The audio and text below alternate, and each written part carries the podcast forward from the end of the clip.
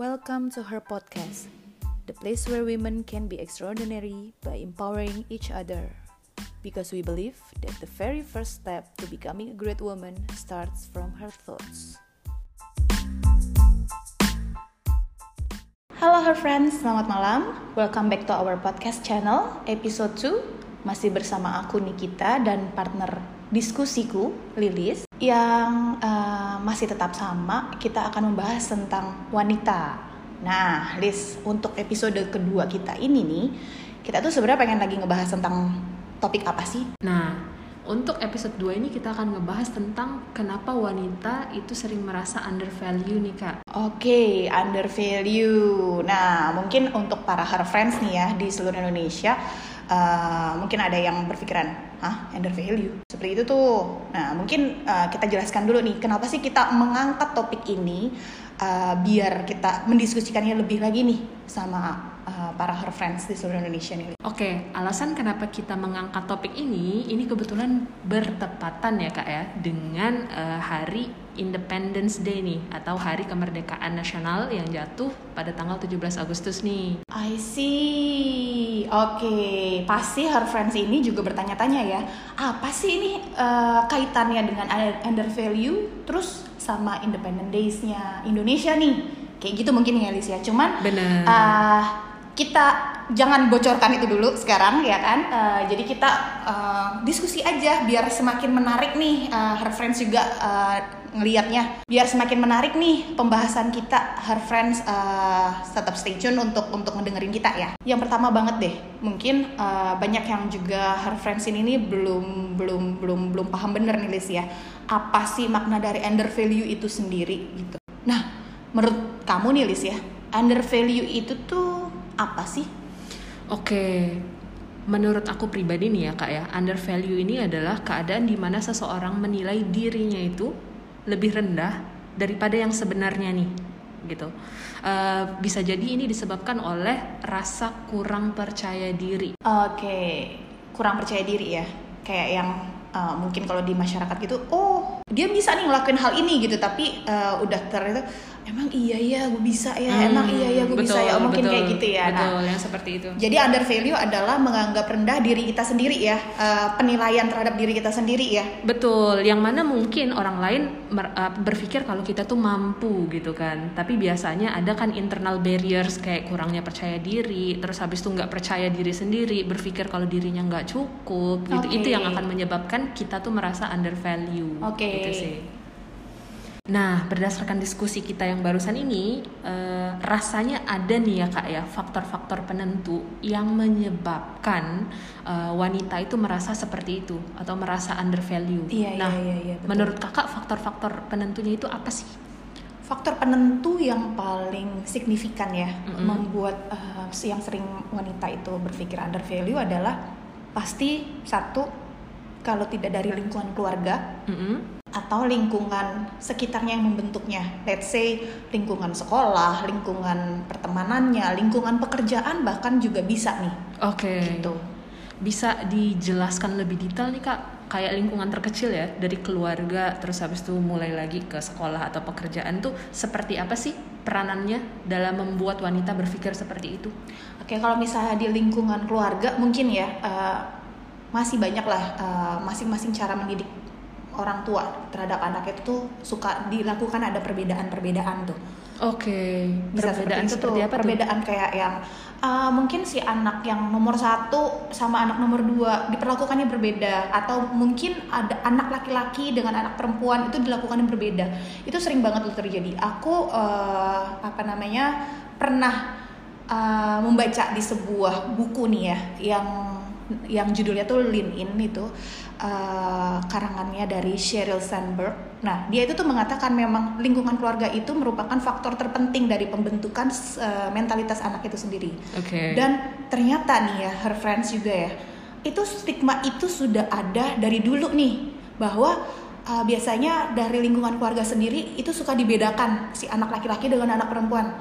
Anak perempuan entah kenapa itu uh, mungkin secara tidak sadar ya mm-hmm. uh, psikologis dari para orang tua yang sudah ada dari dulu adalah anak perempuan ini selalu dikategorikan aduh anak saya lebih lemah daripada anak laki-laki saya. Oke. Seperti itu sih, Liz. Kamu setuju gak dengan dengan dengan konsep itu? Setuju banget sih kak. Apa namanya sih? Karena memang apa yang kak Niki bilang itu kejadian. Oh kejadian Itu dirimu. kejadian, Oke oke. gitu. Mungkin kamu bisa sharing your experience with her friends juga kayak gimana sih? Boleh, boleh, boleh. Jadi eh, aku setuju part ketika Kak Niki tadi bilang kalau seumpama lingkungan, baik itu lingkungan terkecil sampai yang terbesar ya atau yang sekarang ini berperan penting dalam Oke. apa namanya sih membuat kita berpikir under- undervalue. I am talking as a woman. Yes. Oke. Eh, yang pertama ketika di lingkungan keluarga nih, lingkungan keluarga itu lingkungan yang terkecil ya, itu treatment laki-laki dan perempuan itu dibedakan Oke. gitu kayak apa namanya sih kalau aku aku punya abang kebetulan gitu Mhm. kalau laki-laki atau abangku ingin berpikir berpikir untuk mencapai sesuatu yang besar itu sifatnya wajar. Oke. itu kayaknya respon orang-orang di sekitar tuh kayak wajar. Oh bagus ya gitu. Tapi ketika aku as a perempuan ingin sesuatu yang lebih atau mencapai sesuatu yang sama dengan abangku itu responnya em, tidak begitu baik ya. Mak- eh, bisa dilabelkan sebagai ambisius. Dan itu bukan sebuah pujian. Paham nggak? Oh, tapi aku setuju tuh untuk mengenai ambisius. Kadang-kadang di di masalah pertemanan pun Mhm. itu sering banget terjadi kayak uh, aku aku sebenarnya bergaul dengan para uh, kaum pria nih ya. Yes. Itu lumayan banyak nih ya, gitu. Nah, tapi apabila si kita kita pastikan kalau di lingkungan uh, teman-teman itu kita ngobrolin tentang Benar, pekerjaan benar, dan lain-lain kan. Kebanyakan memang stigmanya juga masih seperti ini nih, Liz. Uh, kalau misalnya si cowok itu bila, uh, bercerita tentang pekerjaannya dia, wah sambutannya hebat ini ya sekali Ya.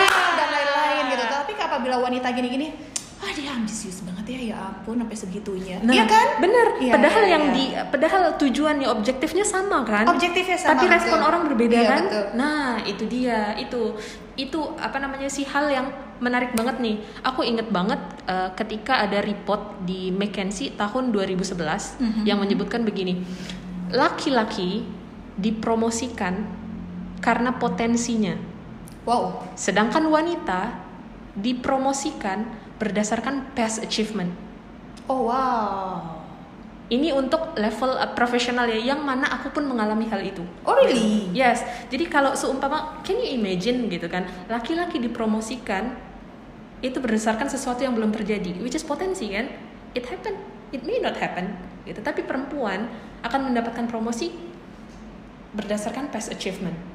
Oke. Paham nggak? Kalau dia nggak ada achievement apa pun, dia nggak nggak nggak dipromosikan Exactly, gitu kan ya. dari situ saja Padahal sudah- kan uh, achievement itu adalah melalui proses kan ya. Nggak mungkin kita bisa tiba-tiba pada titik achievement tertentu gitu ya. Betul, dari situ aja Kaniki bisa kita bisa sama-sama pelajari lah kalau itu unfair kan. Yang Unfair. satu from the past, yang satu from the future. Tapi memang itu juga terjadi loh experience. uh, Oke kalau di pekerjaan memang seperti itu Hmm. ya. Ada juga loh organisasi non komersial ya Oke. banyak sekali itu memang masih di mana pun deh kayaknya. Nah itu tuh kayak yang selalu ada stigma bahwa uh, pemilihan ketua, let's say seperti itu ya, ketua angkatan atau ketua Uh-uh. organisasi dan itu di osis pun juga dari hal terkecil ya itu sering banget aku lihat organisasi-organisasi seperti itu yang benar-benar memiliki komunitas sosial dan Uh-uh. lain-lain kebanyakan apa ah ya udah ah, itu perempuan itu tuh cerdas loh banyak yang seperti itu perempuan itu cerdas loh tapi selalu di selalu mereka langsung terstigma dengan cocok nih jadi sekretaris atau bendahara Exactly. Iya kan? gitu. Jarang banget kan yang kenapa perempuan nggak naik gitu as a ketua. Iya Ya betul betul betul. Dan itu terjadi dari mereka itu tuh eh, selevel pendidikan sekolah loh. Nah, bagaimana eh, nggak menjadikan itu faktor penentu dia pas nanti udah growing up pasti akan undervalue kan. Betul. oh ya udah deh saya nggak cocok j- untuk menjadi leader gitu. Saya cocoknya jadi eh, sekretaris aja atau bendahara aja pasti akan di bawah gitu. Padahal mereka dia punya potensi juga wanita-wanita juga punya potensi gitu betul. Jadi treatment eksternal lingkungan dia sekitar mempengaruhi subconscious dia Yes, kan, true, yang akhirnya mempengaruhi belief system dia. Ya, betul sekali. Nah, eh, sebenarnya nih ya, kan kita berdua itu tuh adalah eh, orang yang kita anggaplah kita melihatkan Betul, diri betul, kita ya betul. adalah independent woman karena kita tidak berusaha sebisa mungkin untuk tidak mau bergantungan kepada siapa pun dan juga apa uh, kita pengen ibaratnya apa ya uh, banyak golongan-golongan independent woman ini pengen ingin, ingin menerobos. Sebenarnya kita tuh bisa loh sebenarnya kita tuh bisa di, di, di, di mendapatkan perhatian lebih loh di, di publik gitu wanita-wanita ini. Menurut kamu as a independent woman bagaimana sih kamu melihat uh, sebuah hal social gap ini di masyarakat dan uh, menurutmu uh, bagaimana cara kamu melihat wanita-wanita yang lain yang masih berpikiran mereka undervalue Oke, okay. first of all, aku mau bilang kalau seumpama orang-orang yang masih merasa mereka itu undervalue, it's not your fault. Oke. Okay. Karena ada faktor-faktor di luar dari diri kita yang membuat kita merasa seperti itu. I see. Gitu. Tapi aku juga percaya kalau ini adalah sebuah kesempatan yang besar untuk mendevelop diri, untuk break free. Iya. Dari apa namanya si uh, stigma-stigma seperti itu. Iya. Ini cuma masalah apakah kita mau atau tidak apakah ya, kita berani betul, betul. atau have that courage untuk break free itu sih bagaimana aku melihat ya pandangan aku terhadap hal ini gitu cuma aku mau tahu juga nih what is your opinion about this? Sepenuhnya nih Lis ya. Aku setuju banget dengan uh, statement kamu tadi. Uh, kita break free. Uh, itu itu yang sangat aku buat ya. Uh, balik lagi tapi memang itu masing-masing berbeda mungkin hmm. ya pilihan orang masing-masing. Cuman kalau menurut aku ya kita sebagai wanita ya kenapa sih kita itu tuh masih ter terbelenggu dengan rules lama? Iya betul. Ya kan? Kenapa betul. kita tidak tidak tidak ma, tidak mau growing untuk melakukan terobosan baru lah gitu kan. Kita bukan di masa Siti Nurbaya lagi nih yang kita harus under value. Laki-laki adalah yang selalu uh, apa namanya berhak untuk untuk mendapatkan. Ini disclaimer on ya kita tidak berharap kita lebih daripada laki-laki betul. tapi setidaknya equals. Ya enggak yes, we have the yes, same yes. opportunity terus habis itu the same response the same support lah ya, itu betul, yang kita ini betul. kan nah, the same support itu sangat penting tuh uh, karena memang ada karena stigmanya itu adalah akhirnya kita mendapatkan perlakuan yang tidak fair ya betul di lingkungan masyarakat ya. betul ya. kesempatan yang kita dapat juga tidak sebanyak laki-laki betul kan itu yang apa namanya sih harus kita setujui dulu nih ya, bottom line-nya. Ya, ya, ya, ya. Kalau menurut aku juga uh, as an independent woman melihat ini adalah sayang sekali apabila wanita-wanita itu masih terbelenggu dirinya itu tuh masih yang aku nggak bisa apa-apa sedangkan realitanya adalah mereka memiliki potensi betul ini cuma masalah mau apa enggak iya gitu dan kan? mungkin bukan masalah mau atau tidak nih Liz Oke. Okay. Mungkin referensi ini nih justru harus membutuhkan banyak masukan-masukan yang seperti ini menurutku. Mungkin mereka tidak mendapatkan yang bisa mensupport pemikiran mereka mungkin ada kemauan tetapi kayak yang aduh aku nggak mendapatkan support nih dari lingkungan atau nggak punya teman bicara dan lain-lain. Sehingga akhirnya ya udah deh uh, forget about it. Ah. Nah itu itu kenapa kan kita pengen juga uh, membangun podcast ini nih gitu supaya kita sharing is caring to uh, women gitu. Betul. And we can call out all the her friends out there yang merasa nggak punya support. Ya. Ini betul. supaya bisa apa namanya sih dapat support ya dari sini. Betul betul. Karena betul, kalian betul. juga bisa dapat insight dari pengalaman kami. Iya. Gitu. Kita berbagi cerita lah ya. Yes. Ternyata, uh, hey, you are okay. You are not alone. Yeah, you are okay. You are not alone. And then you are okay to be grow, grow, be, growing better and better and better. Yes, itu poin Dan penting. kamu punya hak akan itu, gitu ya. Oke. Okay barusan kan kita sudah ngomong bagaimana independent woman melihat ini nih kak. Tapi sebagai independent woman nih yang apa namanya sih biasanya mandiri ya pernah nggak sih merasa undervalue? Ih. nah lo coba deh dijawab. Pernah banget. Tetap pernah banget. Jadi menurutku adalah tetap ya uh, mencapai sebuah achievement itu kita harus melalui uh, learning process betul. berprogres gitu ya. Pernah nggak sih aku berpikir under value? Pernah banget. Apalagi aku tuh sebenarnya Liz ya tipikal orang tuh yang sangat introvert dan kayak yang mungkin gak kelihatan ya. Di, di di di di publik itu mungkin gak kelihatan. I'm the introvert one yang kayak uh, sering kali berpikir overthink yang aduh bisa nggak ya aku ya? Bisa nggak ya aku ya? Kayaknya nggak bisa deh. Itu sering banget tuh terjadi even on this podcast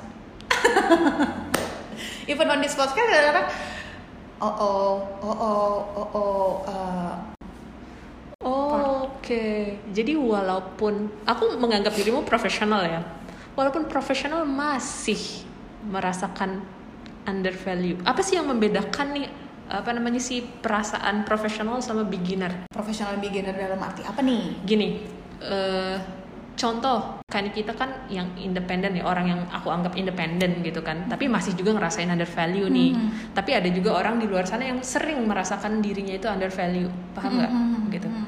Jadi apa yang aku coba sampaikan ini apa sih bedanya perasaan kakak sama orang yang di luar sana? Apakah kalau profesional tuh lebih cepat untuk bangun gitu kan? Kayak mungkin masih ngerasa undervalue tapi kayak eh 10 menit, satu jam gitu habis itu bisa bangun lagi.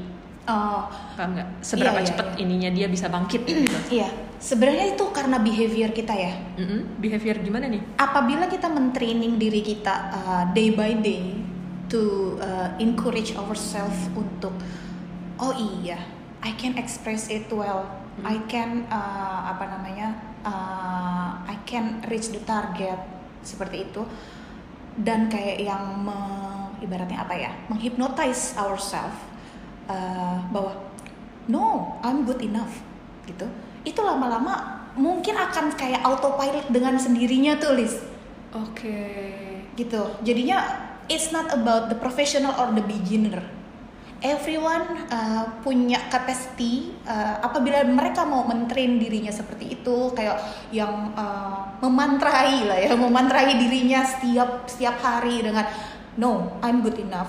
No uh, I can do it itu menurutku sih behavior behavior yang seperti itu itu yang yang yang akan menghasilkan kita ah ketika kita merasakan other value no kita tetap ada trigger untuk sadarnya lagi conscious kita tuh balik lagi gitu karena kita udah mentraining diri kita dengan gratitude training dan lain-lainnya tuh Oke, so part itu bisa apa namanya sih dihilangkan dengan tahu kenali diri sendiri dulu. Betul, Baru habis itu. Yes, baru habis itu buat afirmasi. No, Afirmasi. I'm good enough. iya I'm capable to do Iya, this. iya. Seperti itu. iya betul Oke. Nah, ini kan dari aku nih tadi ya, Lis ya. Kalau kamu sendiri, kamu pernah nggak sih merasa terus kayak kayak gimana sih eh, experience kamu mungkin bisa kita share kepada her friends nih gitu. Oke, kalau aku nih kak, to be honest, aku sering kok masihan ngerasa undervalue gitu. Tapi yang membedakan aku dengan yang dulu, Eh masa sih kamu sering merasa under value kayaknya kamu percaya dirinya wow ya gitu. mohon maaf ibu. Oke, itu apa- kan apa itu kan yang kelihatan di luar Iya, kan, iya, yang iya, di dalam iya, mana kelihatan. Nah, makanya mungkin eh, banyak her friends mungkin ya di luar sana ya kayak ah orang ini kayaknya percaya dirinya tinggi banget deh gitu. Eh belum tentu loh itu tuh Iya. terjadi loh. Kar- karena bisa jadi aja mereka menutupinya dengan baik. Bener, Gitu. bener itu aja yang membedakan kita dengan mereka kan. Is it good or not? Pertanyaannya adalah itu. Hmm, menurutku masih oke lah, masih good lah kalau seumpama digunakan eh, dalam konteks yang wajar ya. Berarti ada yang namanya topeng sosial. Yes, harus menurutku. Part itu harus. Harus ya? Harus. Kenapa sih harus? Oke, karena akan ada situasi di mana kita di demand untuk bersikap in a certain way ya, ya nggak sih? gitu kayak apa namanya sih profesional gitu kan kita Oke. dituntut untuk apa namanya sih terlihat mungkin Lebih lebih pro. firm lebih pro Mungkin gitu kayak kan. gini kali ya kalau misalnya presentasi di kantor ya Lis ya. Gitu kalau misalnya kita kita kita ini gugup dan lain-lainnya gini gimana kita Iya, pengen dipercaya orang iya, kan. dipercaya orang kan. Yes, Iya, benar iya, benar iya, benar iya, part iya. itu harus convincing lah gitu. Iya, iya, Dan iya, iya. untuk bisa convincing itu tadi ya kita harus ini dulu dong menunjukkan kalau kita mungkin percaya diri dan sebagainya. Nah, selain uh, pekerjaan kantor nih Lis yang kita harus uh, di dituntut untuk profesionalitas mungkin ya. Kalau kamu di dalam personal life itu pernah nggak kayak undervalue terhadap diri kamu sendiri tuh? Oh, pasti pernah dong, Kak. Menurut aku merasa undervalue itu masih normal. Oke. Masih normal gitu. Aku yakin sih uh, meskipun dia seorang profesional, sometimes dia akan merasa seperti itu. Aku, to be honest, merasa undervalue kalau aku ketemu dua hal ini. Satu, apa tuh? eh, aku merasa undervalue di satu bidang yang aku nggak tahu sama sekali. Sometimes Oh, kamu pernah bertemu kayak gitu tuh? pernah. Jadi contoh aku handling project baru gitu kan dengan seseorang gitu yang aku nih sebenarnya nggak tahu bidang itu gitu. Terus habis itu ada orang ini yang sangat luar biasa gitu. Tapi itu kan sebenarnya kan it's because you don't know Exactly, exactly. it well, right? Itu kalau seumpama aku resonate dengan diri aku sendiri kayak yeah it's okay, it's normal because you don't know gitu. Iya. But sometimes yang kedua adalah bertemu dengan orang-orang yang pasti pernah dong uh, kakak ngalamin kayak ketemu orang yang maybe itu di atas kita kemampuannya jauh di atas kita yang ada nih uh, certain people yang vibes-nya itu mengintimidasi.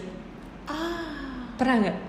Iya iya iya. iya. aku aku aku biasanya merasa undervalue apa namanya sih ketika dihadapkan di dua hal tersebut ke sesuatu yang baru yang aku sama sekali nggak tahu sama dihadapkan dengan orang-orang yang punya vibes yang mengintimidasi itu tapi caraku untuk apa namanya sih bangun supaya nggak merasa undervalue lagi adalah ketika aku dihadapkan di sesuatu yang baru aku punya mantra Apa tuh mantranya? Wah, mantranya mantraku itu adalah kamu udah semacam dukun ya. Banyak mantra sekali dalam hidupnya. Apa sih mantranya tuh apa? Untuk Mantra- mengafirmasi diri kali ya. Eh, untuk mengafirmasi diri betul. Mantraku adalah setiap profesional dulunya adalah seorang amatiran gitu. Oke. Dan aku percaya setiap orang itu bertemu karena suatu alasan. Either Oke. aku belajar dari Kak Niki, contoh, Hmm. atau Kak Niki belajar dari aku. We never know it's true. It's part true. mana gitu. Jadi Yeah. itu membuat aku grounded dan membuat aku merasa I'm enough. Oke. It's okay. Oke, iya gitu. iya iya. Itu sih apa namanya sih bagaimana aku mengatasi pikiran undervalue itu. Itu cara mengatasi undervalue kamu ya. Yes, ketika rasa itu datang gitu. Oke, pernah tapi nggak list eh, gini? Eh, berarti kan kamu eh, ini kita ngomongin eh, spesifikasi ke gender nih, undervalue-nya nih ya kan? Oke. Itu kan mungkin kita bisa undervalue kalau seperti Lilis itu tuh ketakutan eh, pada new project atau mungkin eh, bertemu pada orang yang benar-benar vibe-nya itu tuh di atas kita. Hmm, it, betul. it doesn't matter it it is a woman or man, Man. right? Ya kan. Yep. Cuman kalau misalnya Lilis sendiri tuh pernah nggak sih ngerasa undervalue tuh eh, disetarakannya dengan gender yang laki-laki. Padahal kamu tuh punya potensi yang sama dengan dia. Pernah dong, pasti. Apa sih yang kamu pikirkan ketika itu? Ketika kamu undervalue itu apa sih yang ada di benak kamu? Oke, eh, mungkin ini balik lagi ke didikan yang sebelumnya kali ya kak ya. Yang tadi kita sempat obrolin gitu kan, Iya, Eh, the iya, way iya. we raise itu kan affect us kan. Dan Iya, aku iya. mungkin belum sepenuhnya mer- merobohkan dinding beliefs yang tadi itu. I see. Jadi masih ada Jadi yang masih tersisa. ada yang tersisa ya. Yes, Oke, jadi oke, oke. jadi part itu masih kayak beda gitu. Karena aku melihat kayak laki-laki tuh kayaknya lebih confidence gitu. Even though sometimes I know better than them. Iya, nggak? makanya. Ada rasa situ. Kan Niki pernah ngerasain begitu? Sering banget, sering banget, sering banget. Ah, apalagi kan dirimu ini ya, eh, apa namanya sih? Kerja di industri yang didominasi oleh laki-laki. Betul, betul. Di Ah, arsitektur, di bener. arsitektur, kontraktor, konstruksi bangunan dan lain-lain itu banyak banget didominasi laki-laki dan wah ngomong-ngomongin uh, profesi juga ya, Hmm. itu banyak juga tuh di profesiku. Aku mau sedikit cerita kayak yang stigmanya gini. Oh iya, siapa leader projectnya? Arsiteknya siapa yang lead project ya? Perempuan atau laki-laki? Itu Oh. sering banget terjadi. Serius? Iya. Terus responnya gimana tuh? Kalau seumpama dibilang wanita? Waduh, palingan kayak gitu doang. Waduhnya kenapa? Waduh, eh nanti stylenya feminin dong. Oh, Oke. Gaya Eh. bangunannya nanti feminin dong.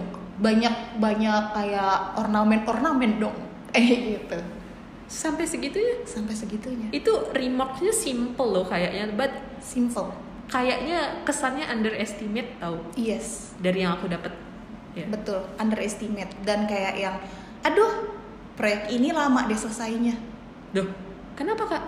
Karena eh, profesi arsitek itu tuh memang kadang-kadang dituntut kita ya untuk kayak lemburan mulu lemburan mulu. Dan stigma masyarakat yang ada tuh adalah kalau misalkan arsiteknya ini adalah perempuan ah kebanyakan izin atau kebanyakan alasan. Kamu pernah nggak ya gitu di pekerjaan tuh? Enggak sih. nggak pernah ya? Enggak, enggak, enggak kayak tuh. gitu. nanti ada banyakan alasannya gitu. Padahal kan hei belum tentu loh. Belum tahu di kita ya. Belum tahu ya. Belum tahu kita kalau kerja kayak gimana kan. Jadi banyak banget stigma-stigma gitu. Bahkan ada juga yang kayak gini, eh, cuman interview doang. Hmm. Kamu eh, kenapa nggak jadi desain interior aja? Ah, just because you're a woman Iya. Terus aku suka suka suka balikin nanya tuh, kenapa aku harus jadi desain interior gitu, desainer interior? Ya kan desainer interior itu kan lebih colorful, lebih uh, apa namanya pattern bermainan dengan pattern kayak gitu. Jadinya memang banyak banget dulu langsung kayak yang kalau kalau as a designer yang udah pattern-pattern atau segala macam, ah ini cocoknya jadi wanita wanita aja nih yang yang bikin gitu. oh sampai segitunya ya Iya, saya begitunya memang. Makanya selama ini ya, kayak kalau misalnya di dunia aku, Hmm? arsitek yang paling terkenal di dunia, satu-satunya wanita, itu cuma satu loh wanita loh, Zaha Hadid aja loh. famous figures Famous, famous arsitek ya. Yang kita dengar kan lumrahnya mungkin orang-orang orang-orang awam gitu tuh cuma Zaha Hadid, almarhumah. almarhumah pula Almarhumah pula. Oke Gitu. wow Jadinya lumayan gapnya lumayan cukup besar ya. PR tuh kak who's going to be the next the next Zaha.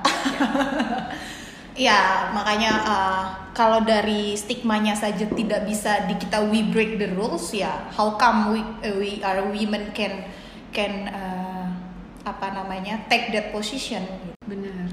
Nah, eh, aku mau tanya juga nih. Ini kan tadi kita sudah bilang tuh, udah sama-sama sharing soal gimana cara mengatasi supaya kita nggak nggak berpikir under value lagi gitu. Terus kalau lah tadi kan kita juga sudah mengakui bahwa kita masih sering berpikir under value atau merasa under value gitu. Nah, apa sih kira-kira challenge atau obstacle yang akan kita hadapi nih ketika kita tuh berpikir atau merasa under value? What do you think? um, ketika kita masih bertahan jadi under value gitu ya Mm-mm. berpikirannya ya apa sih ibaratnya eh rugi loh jadi uh, berpikiran terus under value kayak gitu ya Lis ya Betul betul. banyak banget kerugiannya menurutku sih Apa aja nih dari pengalaman kani kita? satu kita selalu kayak yang tidak mendapatkan uh, pengakuan. Itu udah pasti gitu kan ya. Kedua adalah uh, kita selalu uh, tidak memiliki kesempatan di awal at the first kayak misalnya kalau kita lagi racing gitu ya Mm-mm. kita nggak pada posisi yang start duluan nih gitu kan. Kita harus nungguin dulu si ini gerak terus eh tolong support aku dong gitu. Oke. Are we really want in that position me Definitely of course no. not mau dong jadi kayak yang kalau kita bisa bahkan mungkin para wanita ini juga bisa uh, do better than the others gitu Yes, karena masalah under value ini kan masalah internal kan, which means that kita punya full control. yes untuk Untuk- control ourselves kan ya? Yes, betul. Remember our favorite quotes? If I am the problem, iya. I am also the solution. Mary for Leo. Ya dari Yeah, situ ya. Nah itu itu itu. Karena un- uh, under think under value itu ya memang masalahnya di mana sih?